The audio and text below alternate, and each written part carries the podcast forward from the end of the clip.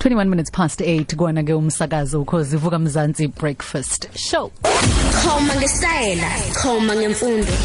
ukhosi FM Samukele sambili sethu umnumzana usizwe Errol Ncasana sixoxisana naye namhlanje. Bevamisa tabonakale kakhulu emaphepheni ephawula eh, kakhulu lamaphepha akhuluma ngezinto eziphathelene nezezimali nomnotho eh, esaka first rand kwaba ukuthi siqaphela ngaleso sikhathi ke wasesuka ke ebaka Nesfas ephethe khona ka Nesfas. Kodwa ke umsunguli no executive chairman isifiso learning group. Babusizwe sikubingelele sikwamukele. Eh ngiyambikelela na ngibikelela nabala lena. Sibonga kakhulu ukuthi ube nathi siyazi ukuthi unosuku olumatasa kubusa uvela ususemhlanganweni kodwa wathi awu uzosimpintsha sikwazi ukuthi sibe nethuba lokuthi sixoxisane nawe namhlanje kukhozi Ah ngiyabonga kakhulu nami. Mhlambe nje masihlehla nje kancane eh ngaphambi kokuthi kufike la ekuthenini ube eh, umuntu ohlonishwa kangaka kwezamabhizinisi ohlonishwa kangaka ngokuningi osukwenzile okuhle sobuye sixoxe ngakho Ak- ake sihlehla si- siyilande emlazi le ndaba Eh nga- ngikhulele eMlazi. Ngangifunda nje ezikoleni zaseMlazi kovela abahleka nakumenzi. Eh ngi kusho ukuthi ke you know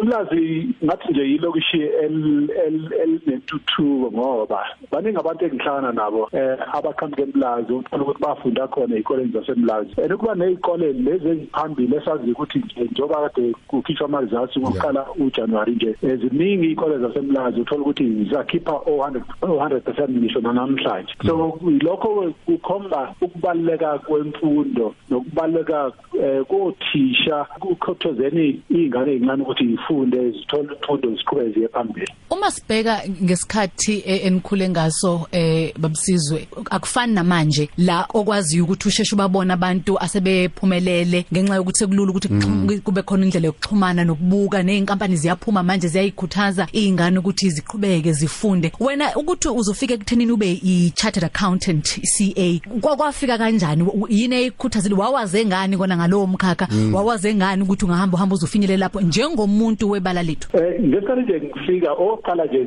kwathi mangiqeda u u- matric ngangazi ukuthi ngizokwenzani. Kokune expectation ekhaya ukuthi nje kuyazi ukuthi sonke kufanele siye university eh ngagcina ke ngisebenza ngisebenza kwa kwa UZG ngalosikhathi kwa government kwa works yabo works ke nakhimgwaqo nakamabhilidi zonke lezi zinto bangiphosela emsinga so ngahamba ngayosebenza emsinga eh, ngathola ukuthi hey emsinga hey ziyashisa izinto kuyashisa la eh, kwakho kuneyinyoka ngiyisaba inyoka Nga- kwaye lapho nga- ngenza isinqumo in fact umfowethu omdala wathi no into engcono ngoba ufuna ukuyenza le land survey babe zomnikeza ibhasari ukwenza ukupopola lokhu ama land survey ngagcina ke ngiye e-University of Fort Hare mangifike eFort Hare kwaba he i- into eyisimanga ukuthi umuntu oqala ngqa omnyama owakwazi ukuthi aqede iziqu zokuba yi-chartered accountant uprofessor Wiseman Kuhlu wayefundisa eFort Hare ngalowo nyaka la aqualifya khona la akwazi ukuthi aqede iziqu kuba yi-chartered accountant. Baningi ke a- abanjengami ababefunda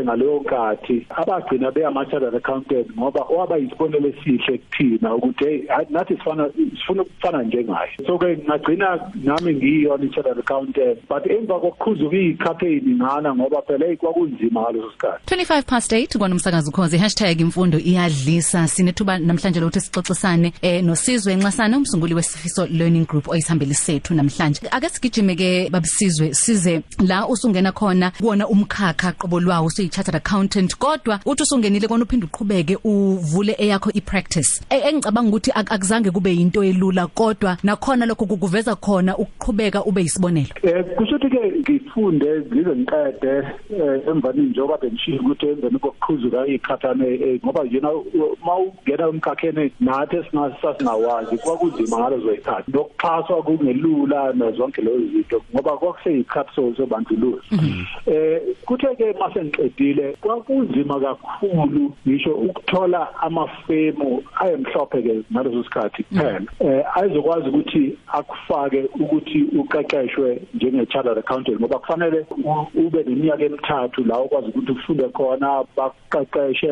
wenze ama audit eh uphicotha emafemini. Kodwa uthola ukuthi ngaleso sikhathi mawumnyama khona indawo la ungavumeli ukuthi ungene khona Eh, so kwakunzinyana khona. Kuthe ke mase ngize ngaqeda ngaba yiyona le chartered accountant ngabona ukuthi yabo eh njengoba ngathola ithuba mina into ebalekile ukuthi sivula amathuba abantu abampisholo ukuthi nabo bawazi lo mkhakha bakwazi ukuthi bafunde batrainwe babe yiwona ama-chartered accountant so kungakho-ke nje savula ifirm kwaqala kuwusizo and company kwakuyifirm yokuqala-ke um kwazulu natal um yabaphicoti um yabacwaningi um yakhula-ke le firm yagcina iyifirm kulo lonke lasemzansi ngoba sasinama-office awu-seven e-cape town egoli um ko-east london ko-cape town kanjalo. Um sakwazi ukuthi sidale amathuba yokuthi abantu abamnyama ababefuna ukuthi babe ama-chartered account. Okokuqala nje sasikhuluma ey'koleni sikhuthaza iy'ngane zesikole ukuthi hey kunalo mkhakha osuvulekayo ukuthi abantu babe amaphicothe babe abacwaningi babe ama-chartered accountant um lokho kwakhuthaza abaningi ukuthi baye ema-university bayokwenza iy'fundo zokuba yiyona le chartered accountant. Kodwa ma uswenza iy'fundo kufanele kube ne-firm la uzoqeqeshwa khona.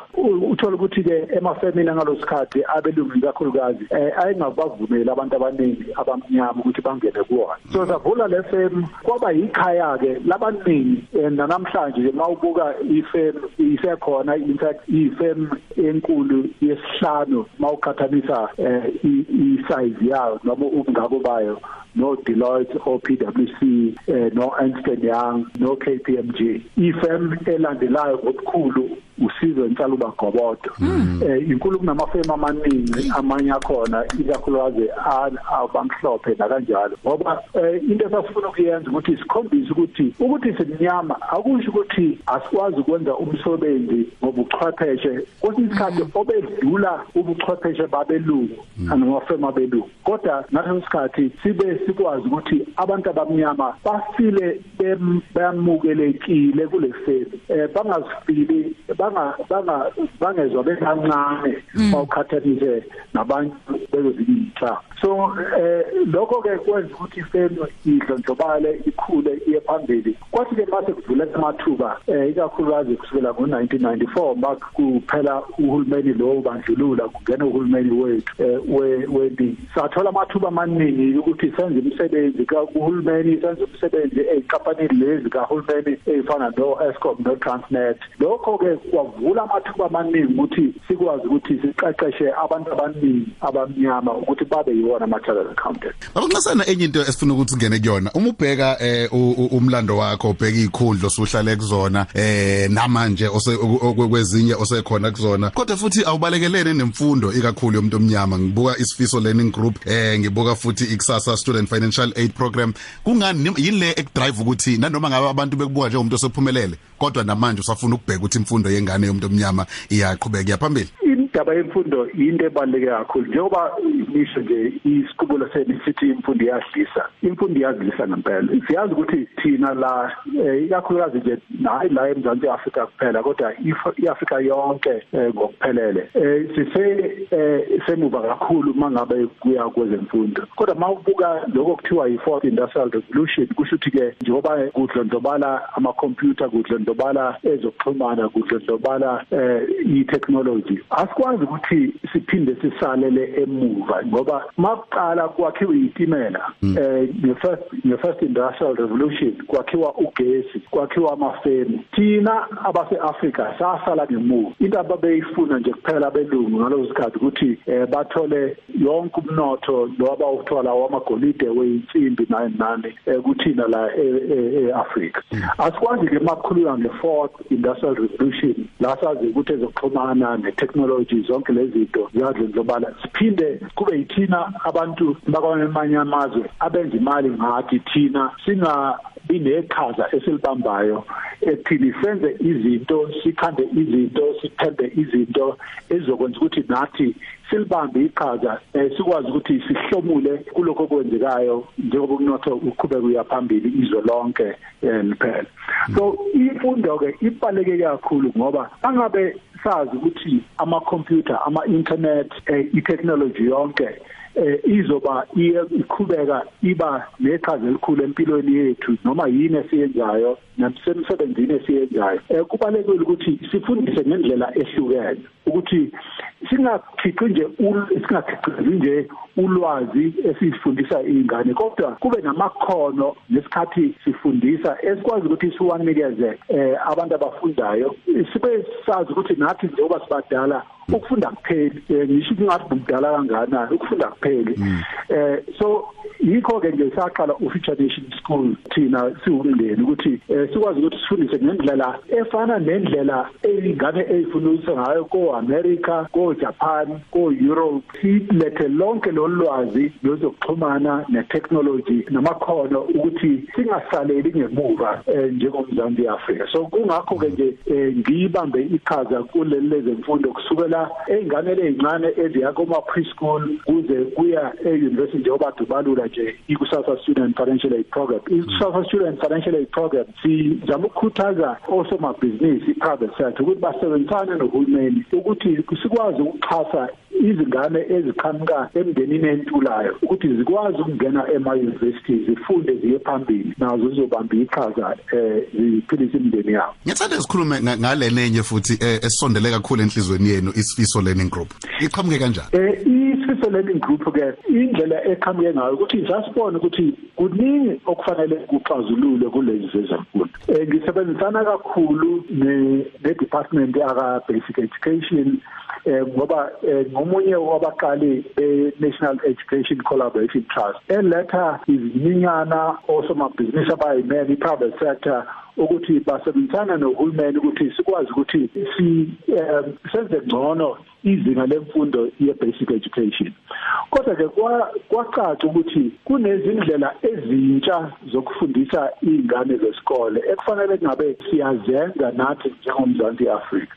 Kungakho ke saqala usifiso learning group ngoba mangabe sifuna eh, ukuthi sithuthuke siye phambili izikole kufanele zibe sezingeni eliphakeme. So saqala ufuture nation school okuyi eh, ingxenye kaSifiso learning group. Saqala ueducation technology usifiso education technology. Ngoba siyazi ukuthi itechnology isibaluleke kakhulu nasekufundiseni izingane ngoba you know, njengoba nje sekuthola ama computer uthola ama tablet uthola i-internet uthole i-broadband ezikoleni eh, lezo zinto zibalekile kodwa ke kubalekile ukuthi sifundise nge-context yase-Africa in other words noma ngabe ufundisa i-maths noma ufundisa i-geography noma i-science ziningi izinto ezabukelwa phansi esasizenza thina esiqhubeka nokuzenza njengama-Afrika eziyi-mathematics eziyi-geography eziyi-science. Kodwa ngoba nendaba yobandlululo nendaba ye-colonialization uthola ukuthi lezo zinto zenziwa ukuthi zinganakwa zingabi nandaba. So mangabe ufundisa